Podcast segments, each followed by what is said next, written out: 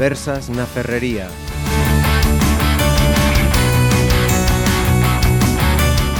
Saludos. Eh, durante esta primera semana de septiembre que ha pasado, miembros del Ejército de Tierra que participan en la campaña antártica han estado en Ogrove, dentro de ese programa de preparación para la próxima campaña que emprenderán, como me decían hace unos instantes, en el mes de noviembre. Ya lógicamente eh, han cambiado de destino, pero los hemos pillado. Para cuando vosotros escuchéis esto, los hemos pillado aquí para que nos eh, cuenten qué es lo que han estado haciendo en, en Ogrove, cómo ha sido esa preparación, en qué consiste esa campaña que hacen concretamente en Isla Decepción. Yo ya sé que hay algunos pequerrechos por ahí que ya saben dónde está Isla Decepción y qué es lo que se hace. Pero para aquellos que todavía no lo sepáis, tenemos aquí en los estudios de Pontevedra Viva Radio, con permiso de los chicos, voy a empezar por la, por la chica, Pilar Lisbona, Lisbona eh, que es responsable del área de medio ambiente. Bienvenida y gracias por acompañarnos. Muchas gracias, buenas tardes. Eh, está también Antonio Donís. No, no te cambié el apellido, No, no, sí. muy bien, muy bien. Jefe Hola. de comunicación de esta campaña antártica. Bienvenido igualmente. Hola, buenas tardes. Y eh, Valentín Beneite, Correcto. jefe de la campaña. Hola, buenas tardes. Lo primero de todo, muchas gracias por hacernos este huequito. Como digo, ellos eh, estos días todavía están en el Grove. Cuando vosotros los escuchéis ya, ya no los pilláis, lo siento. Pero podéis escucharlo las veces que queráis en el, en el podcast. Así que primera pregunta, explicadnos, por favor, eh, ¿qué es esta campaña antártica que lleva ya eh, 31 ediciones, o sea, 31 viajes, ¿no? O sea, que esto no empezó ayer ni muchísimo menos. Quien quiera, esto es libre, no esperéis a que yo os dé la palabra. Vamos hablando todos de charla. Bueno, pues eh, lo que tenemos que decir primero que es nuestra misión es la contribución del Ejército de Tierra a la campaña antártica española, ¿no? que mm, está dirigida por el Ministerio de Economía, Industria y Competitividad. ¿no? Eh, y la misión es eh, gestionar dos bases científicas. Un- Una es la Juan Carlos I y otra es la Gabriel de Castilla, que es la que gestiona el Ejército de Tierra. Entonces nosotros somos parte de esa campaña española y la parte eh, que maneja Ejército de Tierra concretamente es eh, la base Gabriel de Castilla. Nuestra misión es apoyar a los científicos en sus investigaciones y gestionar esta base principalmente. Y esta iniciativa entonces se lleva haciendo ya desde hace 31 años. Efectivamente, se llevan haciendo desde hace 31 años. Eh, desde que España es miembro permanente del Consejo eh, del Tratado Antártico, eh, se vio la necesidad de que España pues, eh, instalase bases científicas en la Antártida. Y desde entonces pues, eh, se, se hicieron las primeras expediciones y se empezaron a hacer las dos bases y ya son 31 ediciones, efectivamente, que han estado los científicos españoles eh, investigando en la Antártida y trabajando mano a mano con, con el Ejército de Tierra, eh, con, con la base Gabriel de Castilla, y también colaborando con la Armada, que el- con, con el buque oceanográfico Espérides y una- otro barco que tenían antes en Las Palmas, que ya no lo tienen en servicio, y llevamos ya muchos años, muchos años efectivamente, pues colaborando con la ciencia. Ujú. Eh, en el caso del Ejército de, de Tierra, eh, ¿quiénes podéis eh, colaborar? ¿Esto es algo voluntario? ¿Está controlado? Pues eh, hay que tener estas condiciones, hay que... ¿Cómo, cómo se hace todo esto? Bueno, eh, la- somos 13 componentes y cada uno de los componentes pues, ocupa un puesto específico. Esos puestos eh, son unas especialidades, cada uno tenemos nuestras especialidades y se opta a ellos voluntariamente. Hay un proceso de, selección en el cual interviene eh, el jefe de campaña y a partir de ahí con currículums, con, eh, con entrevistas, pues se selecciona el personal y, y se, se elige al más idóneo para, para ocupar los distintos eh, puestos, en este caso los 13 puestos. Eh, Por ejemplo, Pilar, tú que decías que es eh, responsable del área de medio ambiente, eh, ¿cuál es tu preparación en este caso para formar parte de, de, este, de esta campaña? Bueno, nosotros, eh, bueno, yo como responsable de, de área de medio ambiente, eh, hay que tener una, algo de experiencia en, medio ambiente, obviamente. Yo en, en mi destino actual, que es la grusa número uno, eh, soy, la, soy la coordinadora del sistema de gestión ambiental y, bueno, además para esta campaña que es muy especial porque tenemos allí en la base instalado un sistema de gestión ambiental certificado por, certificado por AENOR, eh, nosotros recibimos una serie de cursos para poder llevar esta gestión correctamente, porque debido a que la, campaña, bueno, la, que la Antártida eh, es un medio tremendamente protegido, eh, el Ejército de Tierra ha considerado que además de cumplir todo, el, todo el, protocolo del Tratado Antártico, queremos dar un paso más y que, nosotros eh, llevar allí el, sistema de gestión ambiental y encima que se nos, que se nos certifique. Creo, he leído por ahí, me corregís, eh, que, para estar en esta campaña también hay que tener experiencia en campañas anteriores, ¿no? Eh, ¿Qué tipo de, campañas previas hay que tener en vuestro currículum? Bueno, no es exactamente cierto. Corrígeme, sí, sí, no te, estás, estás equivocada. a ver, no, no, no, no, lo digo porque de la dotación hay, hay dos componentes que han repetido campaña antártica. El resto eh, somos nuevos en la campaña, aunque yo he estado el año pasado en una fase de reconocimiento. Porque precisamente la política de ejército de tierra es eh, dar la oportunidad al mayor número de, efectivos a que participen. Con lo cual es una misión, digamos, muy atractiva, es muy interesante y las capacidades las tiene ejército de tierra, ¿no? Tiene especialistas en montaña, especialistas en medio ambiente como Pilar, especialistas en telecomunicaciones como, como Antonio. Eh, especialistas en navegación, en instalaciones, en motores, tiene esas capacidades. Entonces, hay mucho personal que cumple las condiciones para participar. Entonces, eh, sí que se valora la experiencia internacional, en misiones internacionales, sí que se valora eh, la relación que haya podido tener con, entidades civiles, porque esta es una misión mm, en, la cual convivimos eh, civiles y militares, ¿no? Pero no todos los componentes tienen experiencia en la Antártida. Ajá. O sea que por lo que decías, vamos, dicho así muy coloquialmente, hay tortas por ir. Hay tortas por ir, sí, sí, es eh, Lo entiendo, ¿eh? Tiene que ser una experiencia. para nosotros es como un sueño que se ha hecho realidad, eh, porque es, bueno, es una oportunidad única en la vida. Eh, solo unos pocos privilegiados van a la Antártida, ¿no?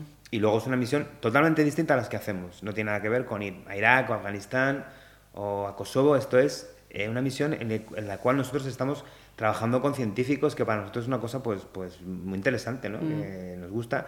Ahora bien, es exigente y es dura, No eh, porque somos así los militares, un, friolero que se olvide. Pero vamos, a estar en unas condiciones de vida durillas, eh, con temperaturas que la sensación térmica es de, menos 15 grados. Con durillas. Durilla, que estamos aislados. Si nos pasa algo, pues mm, tenemos un médico, tenemos telemedicina, pero si las condiciones no son buenas, nos podemos quedar aislados, entonces que, no nos pase nada, ¿no? Pero bueno, aún así nos gusta ir y estamos encantados. Tenemos que atravesar el, el estrecho de Drake que, que es eh, la zona más peligrosa para navegar del planeta, que es, digamos, el, mar de Oces también se llama, lo que separa el continente antártico de, del continente sudamericano, que bueno, lo normal es encontrar olas de 6 metros y esas cosas, pero vamos encantados. Bien, bien. Yo decía, yo me apunto, pero ahora ya me, creo que me lo voy a empezar También se puede ir en avión, ¿eh? O en helicóptero. y te ahorras lo del mar. No, no sé yo cuál de las dos opciones. Eh, mira, y esto de elegir el eh, Ogrove, ¿por qué, ¿por qué ha sido? Porque por las condiciones que estás dando ahora mismo, muy parecido con aquello no es. Bueno, eh, la elección del Grove, pues aunque las, las condiciones lógicamente no son parecidas, pero son dentro de nuestro territorio, de lo que podemos, eh, donde nos podemos adiestrar y entrenar, las más parecidas. También así, pues la, también está aquí en empresas que nos apoyan. Los trajes, llevamos unos trajes vikings y entonces pues nos facilita mucho el, el trabajar aquí y el entrenarnos. Y siempre pues el acogimiento ha sido, y campaña tras campaña, pues eh, la verdad que es un, verdadero placer pues poder disfrutar de este entorno y a la vez pues nosotros no, nos vale para, para entrenarnos y prepararnos para, para desplegarnos en el, continente antártico. ¿Cómo es un, día cualquiera de estos entrenamientos? Contanos. Bueno, nos levantamos por la mañana y lo primero nos vamos a, a correr por la playa, que la verdad que es una, es una maravilla. Y bueno, hacemos, eh, bueno, primero hacemos una, una carrera, Después ya desayunamos, nos preparamos y nos vamos al puerto. Y allí con el, con el jefe de navegación es el que nos, nos va indicando qué es lo que tenemos que, hacer, nos enseña a, utilizar la Zodiac, los motores, cómo ponernos, cómo ponernos el equipo, cómo entrar y salir de, puerto. y, bueno, una vez que hemos terminado eso, que más o menos nos lleva hasta, hasta las 2, 3 de la tarde, pues eh, nos vamos a comer y, y después de, después de comer, pues nada, estamos con, con teóricas, se imparten teóricas pues de telecomunicaciones, teóricas de medicina, de medio ambiente y a trabajar hasta, pues no sé, el otro día hasta las doce y media y después a, a dormir. Eh, y así todos los días que habéis estado, que estáis aquí en, en Ogrove, sin descanso. No bueno, dado tiempo de llevamos, llevamos solo dos, solo dos días. ¿Va a haber descanso? Entonces, cambió la pregunta. Tenemos tiempo para. ¿eh? Yo que soy el jefe y marco los tiempos, tenemos tiempo para disfrutar de la gastronomía, porque donde estamos alojados, pues mm, nos ponen una comida muy rica aquí muy mal, ¿eh? Galicia, y también tenemos tiempo para parar, tomarnos una cerveza y hacer grupo, que es muy importante, porque vamos a tener que aguantarnos durante 100 días aquí los unos a los otros y tenemos que acabar siendo buenos amigos. Bueno, ya lo somos. Entonces, es una no paramos, pero es un ambiente de trabajo distendido y estamos muy cómodos. 100 días entonces va a durar esa campaña a partir de noviembre. ¿De qué día? Bueno, exactamente 100 días, lo que llamamos fase de activación, es decir, el momento en que ah. abrimos la base y la cerramos. Pero antes hay que llegar hasta allí y, luego a la salida también hacemos alguna gestión en, en, el continente americano, en Argentina y en Chile concretamente, en el ámbito de relaciones institucionales sobre todo, ¿no? Y, cosas logísticas también. Con lo cual la misión viene a durar unos cuatro meses. Cuatro mesitos, desde noviembre. ¿Ya hay una fecha de salida? Sí, todavía no... Eh, 18-20 de noviembre salida de territorio, vamos, de, España y mm, llegar a España a finales del mes de marzo. Ese es la, más o menos el calendario. ¿Y, sabéis qué, qué, es lo que se va a investigar, qué se va a experimentar o eso os van a ir diciendo una vez que lleguéis eh, allí? Sabemos los proyectos eh, civiles, científicos, que están eh, liderados por el Comité Polar, que pertenece a la Secretaría de Estado de Investigación del Ministerio de Economía, Industria y Competitividad, eh, es quien, quien selecciona los proyectos civiles que van a la Antártida, que son de muchas universidades. Pero muchos proyectos mm, son siempre los mismos porque son trabajos de varios años. Entonces, estamos hablando de estudios en el ámbito de la vulcanología, porque la isla de Excepción es un volcán, con lo cual allí va personal de la Universidad de Granada a estudiar el volcán activo, que es la isla de excepción. Van sismólogos también de la Universidad de, Cádiz. Eh, van también un proyecto que está estudiando el hielo que hay debajo de la Antártida, se llama permafrost. Toda, toda, la Antártida y la isla de excepción está, está cubierta con, con, hielo y se estudia ese hielo porque va variando y eso son claves para conocer el cambio climático y demás. Entonces hay, hay, hay unos científicos que estudian el hielo. Hay también biólogos porque la, isla de excepción eh, tuvo en los años 70 unas erupciones y entonces han colonizado nuevas especies en unas condiciones muy extremas, antárticas. Entonces es muy interesante desde el punto de vista eh, de investigación de los biólogos. De hecho, están descubriendo nuevas especies, están descubriendo cosas que pueden a lo mejor colaborar contra, bueno, descubrir nuevos fármacos y demás. Y esos son principalmente los, los, investigadores civiles que van. ¿Y en universidades gallegas tienes constancia? La Universidad de Vigo está relacionada también con, con, con la Antártida, el año pasado estuvieron y este año también van a ir. Lo que no sé si van a estar más tiempo en la base nuestra o van a ir a la base Juan Carlos I, que es la otra que tenemos. Pero sí, la Universidad de Vigo eh, está, está también eh, investigando la Antártida. Eh, voy a la parte más personal de, los tres. ¿Tenéis familia? ¿Cómo llevan esto de que hayáis dicho me voy ahí a la Antártida unos mesecitos? ¿Cómo, cómo ha sido? ¿Cómo se preparan también ellos para, para esta experiencia? Bueno, yo en mi caso tengo, pues estoy casado y tengo tres hijos. Y la verdad que, bueno, siempre, lógicamente, vamos a estar fuera de casa un tiempo largo y, es, es, duro, ¿no? Pero, eh, como ha resaltado el comandante Benítez, es una misión gratificante y es una misión que, la familia apoya.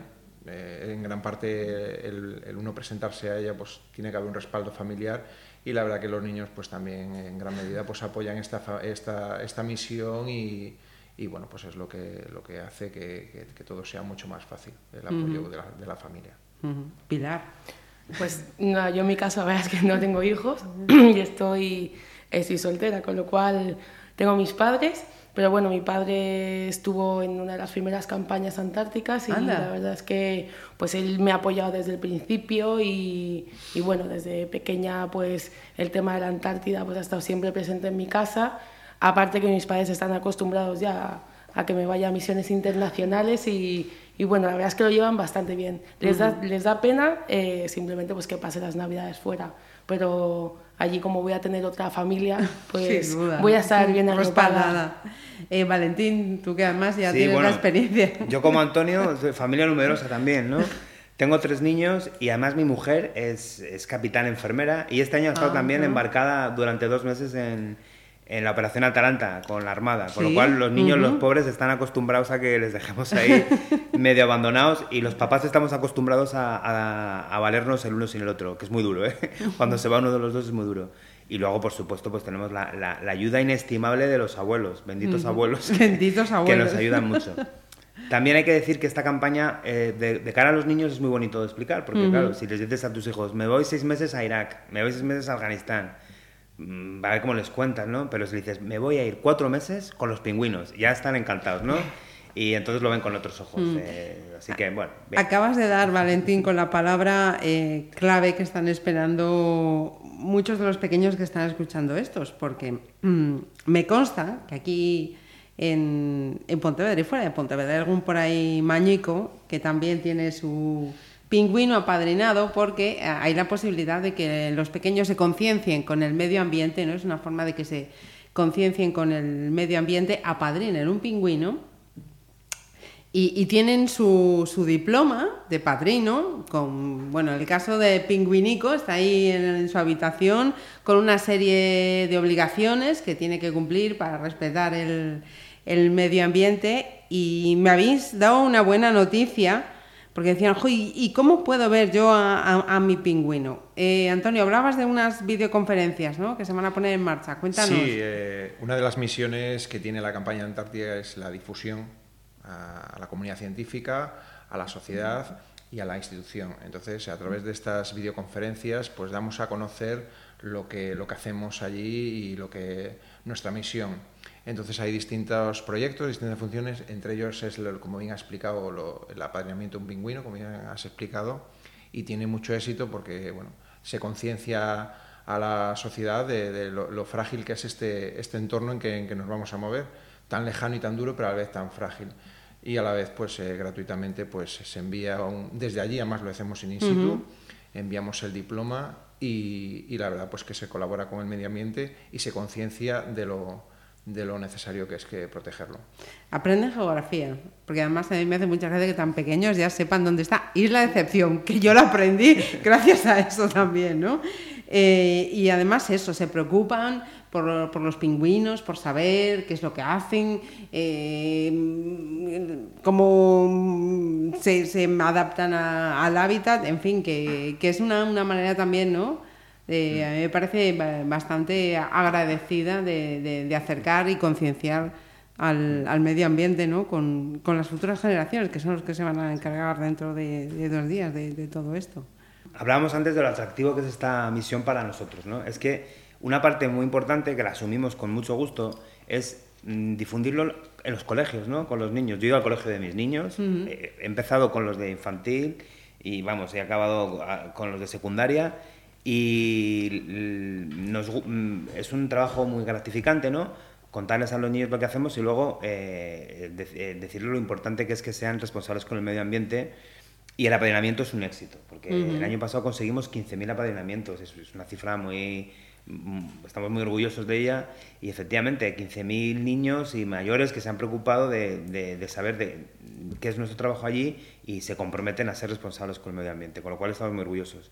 Y este año además estamos también intentando pues, eh, buscar algún incentivo para, darle todavía más impulso. Y yo creo que vamos a incluso a superar esa, esa cifra. No, no, lo dudamos. Mira, y quienes nos estén escuchando, adultos eh, o pequeños, que quieran sumarse a esto de apadrinar, eh, ¿cómo tienen que hacer? Que seguro que, que, están algunos ya preguntando, yo quiero. Bueno, pues esto será una campaña que empezaremos eh, a partir de octubre y noviembre y a través de nuestra página web hoy nuestro, en nuestro Twitter, Antártica-Ejército de Tierra. Ahí lo anunciaremos eh, tanto los días y el, periodo de que empiece esta campaña de patrinamiento de un pingüino. Y tan sencillo como cumplimentar lo que se, se, diga, es enviar una serie de datos muy sencillos y desde allí pues le enviaremos su diploma con su pingüino perfectamente apadrinado y que lo disfruten. Además es, él, es, él, precisamente él con, con su, eh, su oficial de telecomunicaciones el que se encarga de localizar al pingüino, hacerle la foto, ponerlo en... es un trabajo, ¿eh? Es un trabajo. Sí, sí. Y, sí, sí, porque además van, van, con su nombre, van... ¿Cómo se hace ese, ese trabajo? Bueno, eso nos llega el correo que, envía la gente desde aquí. Nosotros eh, vemos y, bueno, pues vemos las. La verdad que ahí tenemos la suerte de, lógicamente, en el entorno es un sitio donde los pingüinos eh, hay mucho, un gran número. Entonces, pues vamos, eh, elegimos, le hacemos una foto y ponemos en el diploma el nombre que se nos ha dicho y enviamos para, para aquí, para, a través del correo electrónico, el diploma gracias a las comunicaciones que hay hoy en día, pues esto es posible. que parece una que parece con gran dificultad, eh, pues es una tarea entre comillas sencilla. De hecho, el, logotipo que, lleváis en la campaña, que lleváis ahora en las camisetas, aparece ahí, ¿no? Será mm, la silueta de Isla de Excepción y el pingüino. Es el pingüino barbijo. Eh, que es un pingüino que está allí, es el, que más hay en, en, Decepción, porque hay más tipos de pingüino, está también el papúa, y es un animal muy curioso. Yo quiero decir a todos los niños y a todos los mayores que han apadrinado que no se preocupen, que sus pingüinos están bien, pero hacen como nosotros. Cuando llega el invierno se van, se van de allí. No saben muy bien los científicos qué es lo que hacen, cómo sobreviven. Y vuelven a la isla en el verano austral, que es cuando vienen a, criar, ¿no? a poner sus huevos. Es curioso porque además, eh, según nos cuentan los científicos de los que saben de pingüinos, eh, la pareja de pingüino, el papá y la mamá, cuando llega el invierno se separan. Las crías hacen su vida y luego vuelven y se vuelven a juntar. O sea que el invierno van libres por ahí. Sí, sí, pero es un animal que vuelven la parejita juntos. Algún caso hay que ellos, porque ellos llevan una, contabilizan concretamente en Isla de Excepción está muy cerca la pingüinera, hay una pingüinera que está muy cerca, que han contabilizado 60.000 pingüinos, que por cierto hay dos descendido el número, que también lo están investigando, y casi todos vuelven eh, con, con, la pareja que tenían el año anterior. Alguno no, alguno no se presenta a la pareja, pero casi todos vuelven. Algún pendón por ahí se pierde en el camino. Mira, em, vosotros militares, eso estáis ahora en esa preparación. Pero, ¿y, los investigadores? ¿Cómo, es su parte también? ¿Ellos también tienen que pasar por este mismo proceso? ¿Cómo es en su caso? El caso de los investigadores hay que decir que hay una figura muy importante que es el investigador principal, ¿no? que digamos es, el que presenta el proyecto, mm, que avalado por, por, por, una calidad científica, en este caso por ah, que lo valora el Comité Polar, eh, es el que lleva el proyecto y él incorpora su equipo a la, a la, a la Antártida. Casi todos los investigadores principales ya, ya, han estado, ¿no? Pero ellos, su equipo va variando. Entonces, los que no han estado nunca en la Antártida tienen que pasar también una capacitación, un curso de capacitación, que en este caso la da el Ministerio de Economía y Competitividad. Lo hacen en Madrid, reciben unas conferencias y bueno, es una, es una preparación mm, menos exhaustiva que la nuestra, porque somos nosotros los que les damos seguridad a ellos, ¿no? los que les acompañamos en sus movimientos, los, que les proporcionamos eh, asistencia sanitaria y, y, todos los servicios que supone eh, gestionar la base Gabriel de Castilla. Pero ellos sí reciben un baño donde conocen sobre todo pues, bueno, lo que domina Pilar, que es la parte de las restricciones medioambientales que tiene la isla, cómo moverse, dónde moverse y luego la de seguridad, ¿no? de cómo emplear el equipo, cómo protegerse. O sea, sois un poco, un poco no, mucho los, ángeles de la guarda de, los investigadores. Sí, sí, es nuestro trabajo. nuestro trabajo es eh, apoyarles y ayudarles y, darles seguridad, sí, sí, por supuesto. Mira, y, de lo que acaba de decir Valentín, eh, Pilar, esas restricciones medioambientales, hay que tener mucho cuidado. O sea, uno no, no llega a ir la excepción y dice, venga, anchas Castilla, ¿no? Como la base. No, no, no. No, no, efectivamente. Está, está tremendamente protegida. Hay unas zonas eh, especiales eh, por las que no se puede ir. Para poder entrar en esas zonas hay que pedir un permiso previo, porque al final pues, estamos en un estamos en un ambiente único que no existe en ninguna, en ninguna otra parte. Entonces, todos los eh, seres vivos, tanto macroscópicos como microscópicos, pues eh, eh, su, su, forma de, vida, su forma de adaptarse a, ese medio eh, es único, con lo cual se intenta proteger en, bueno, lo, máximo, lo máximo posible. Eh, llegar aquí a Isla Decepción entonces es un lugar al que solamente pueden ir estos investigadores y, vosotros miembros del Ejército de Tierra o, se puede acercar mm, alguien más. Bueno, realmente sí que hay barcos turísticos que normalmente salen de, de Chile, salen de Argentina y, y uno, bueno, hay algún barco que sí que para, que puede parar en Isla Decepción y les enseñan, bueno, realmente no sé exactamente qué es lo que les enseñan, no pueden estar por toda la isla ni muchísimo menos, les enseñan una, una, una parte de la isla y están un máximo de una hora en la, en la isla y luego, bueno, siguen su, siguen su recorrido. Es un turismo muy controlado, que está autorizado por el Tratado Antártico y cuando van en, en, en cruceros desembarcan cerca de la isla, concretamente en una zona que se llama Bahía Balleneros, que hay restos históricos porque hace muchos años hubo una industria ballenera. ¿Restos históricos? Sí, porque hubo una industria ballenera eh, a principios del siglo XX. Eh, había unas empresas noruegas que hacían allí que cazaban ballenas. Luego dejaron de cazar ballenas, las esquilmaron y tal. Entonces, los restos históricos que quedan, eh, que son unas ruinas, se, se pueden visitar. Y entonces, estos cruceros desembarcan también en Zodiacs y van por unos, itinerarios marcados, van, ven aquellas, hacen las fotos y vuelven. Entonces es un turismo muy, mm, vamos, muy controlado, muy controlado. Pero por ejemplo no pueden ir a la pingüinera, que nosotros sí que vamos acompañados científicos. Además es un, turismo que está solo restringido al verano austral, con lo cual tienen muy poco tiempo de... tienen pues final de diciembre, enero. Y muy caro. Y muy caro. muy caro. Sí, no, hay que poner también eh, algún tipo de condicionante, ¿no? Y, y me decías que mm, mm, Pilar va a tener visita. yo voy a tener visita en principio y si el barco puede entrar, porque no siempre, no siempre puede entrar, bueno, eh, mis padres sí que, bueno, como mi padre estuvo dos veces, le hace mucha ilusión volver a Decepción porque es, un, es un mm. auténtico enamorado de la Antártida y además es la única forma que tiene mi madre de, ¿no? de, de, ver allí donde estuvo mi padre, de ver dónde voy a estar yo. Y, y, bueno, también recordar esa época que ella se quedó conmigo y con mi hermano cuando éramos muy pequeños y, y allí no había no había Antonio Donises, que puede ser unas, unas telecomunicaciones impresionantes, sino allí no, pues no había nada, con lo cual pues mi madre estuvo pues eh, meses sin saber dónde estaba mi padre. Entonces pues llegó con mucha barba y dijo, ah, pues sí que debe ser que estuviste en la... este, este no era de los pingüinos aquí. A comprobar si es verdad lo que contó tu padre. sí, sí. sí, señor. Mira, y, además de esos, de esos cruceros, em, pesca allí, nada. No, no, no, totalmente prohibido. Totalmente prohibido. La, es, es, un poco triste, pero, pero esquilmaron la población de ballenas eh, a principios del siglo XX y luego también de, leones marinos, pero han vuelto, han vuelto otra vez. Entonces, eh, los humanos, eh, pues somos un desastre, ¿no? Hemos, hemos, hemos, entonces, y, además, por lo visto, la isla debía ser un cementerio de ballenas porque ahí las descuartizaban y dejaban todos. Entonces, bueno, pues lo que tiene que quedar como ejemplo es que de las pocas cosas que ha hecho bien la humanidad es ponerse de acuerdo para que la Antártida no se haga más que ciencia, no se, haya, se hayan paralizado las reclamaciones soberanistas y territoriales, porque lo demandan varios países como territorio suyo, no se hace, está lleno de minerales, está lleno de petróleo y diamantes y oro, pero no, no, no se va a explotar y solamente se trabaja para la ciencia. Y por una vez en, la historia, esto pasó en los años 50 cuando se, se, firmó el Tratado Antártico, las potencias y el mundo entero se ha puesto de acuerdo en algo y es en proteger ese continente que nos queda salvaje. Pues que siga. Que siga, que siga. Esa es nuestra misión. Eh, Valentín, tú que has estado ahí, eh, eh, tiene que haber una paz y una tranquilidad allí, vamos, que, no está escrita, ¿no?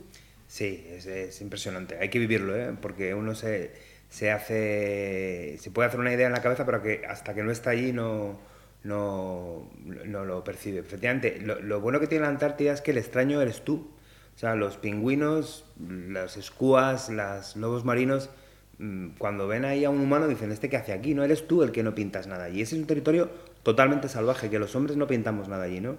Entonces estás tú solo eh, frente a la naturaleza. Yo digo que es como, como estar en un reportaje de, de, National Geographic. Realmente te ves tú en la inmensidad y te paras a pensar eh, los famosos momentos antárticos que llaman, ¿no? Cuando has acompañado al científico, el científico se pone a trabajar en sus cosas y tú te quedas en un momentito de paz y tranquilidad en, en ese ambiente tan salvaje, es una experiencia única, ni un ruido, solo la naturaleza es una cosa que hay que vivirla, de verdad. Muy interesante. Qué envidia nos están dando, ¿eh? ¿A que sí? Pues vente ahí a hacer un reportaje, Marisa. Yo encantada, vamos. ¿eh? Lo del frío igual lo llevo un poco bien, un poco bien, sí, teniendo en cuenta Tenemos que... buen equipo y hay calefacción en, en la base. Oye, pues nada, eh, yo de verdad que envi- envidiable 100%. Valentín, Antonio y Pilar, muchísimas gracias por acompañarnos, muchísima suerte, que disfrutéis tanto como habéis hecho disfrutar aquí hoy en esta, en esta charla Muchas gracias. de esta, de esta experiencia y, y os seguiremos, os seguiremos. Muchas gracias. Muchas Muchísimas gracias. gracias. Ha sido un gracias. placer.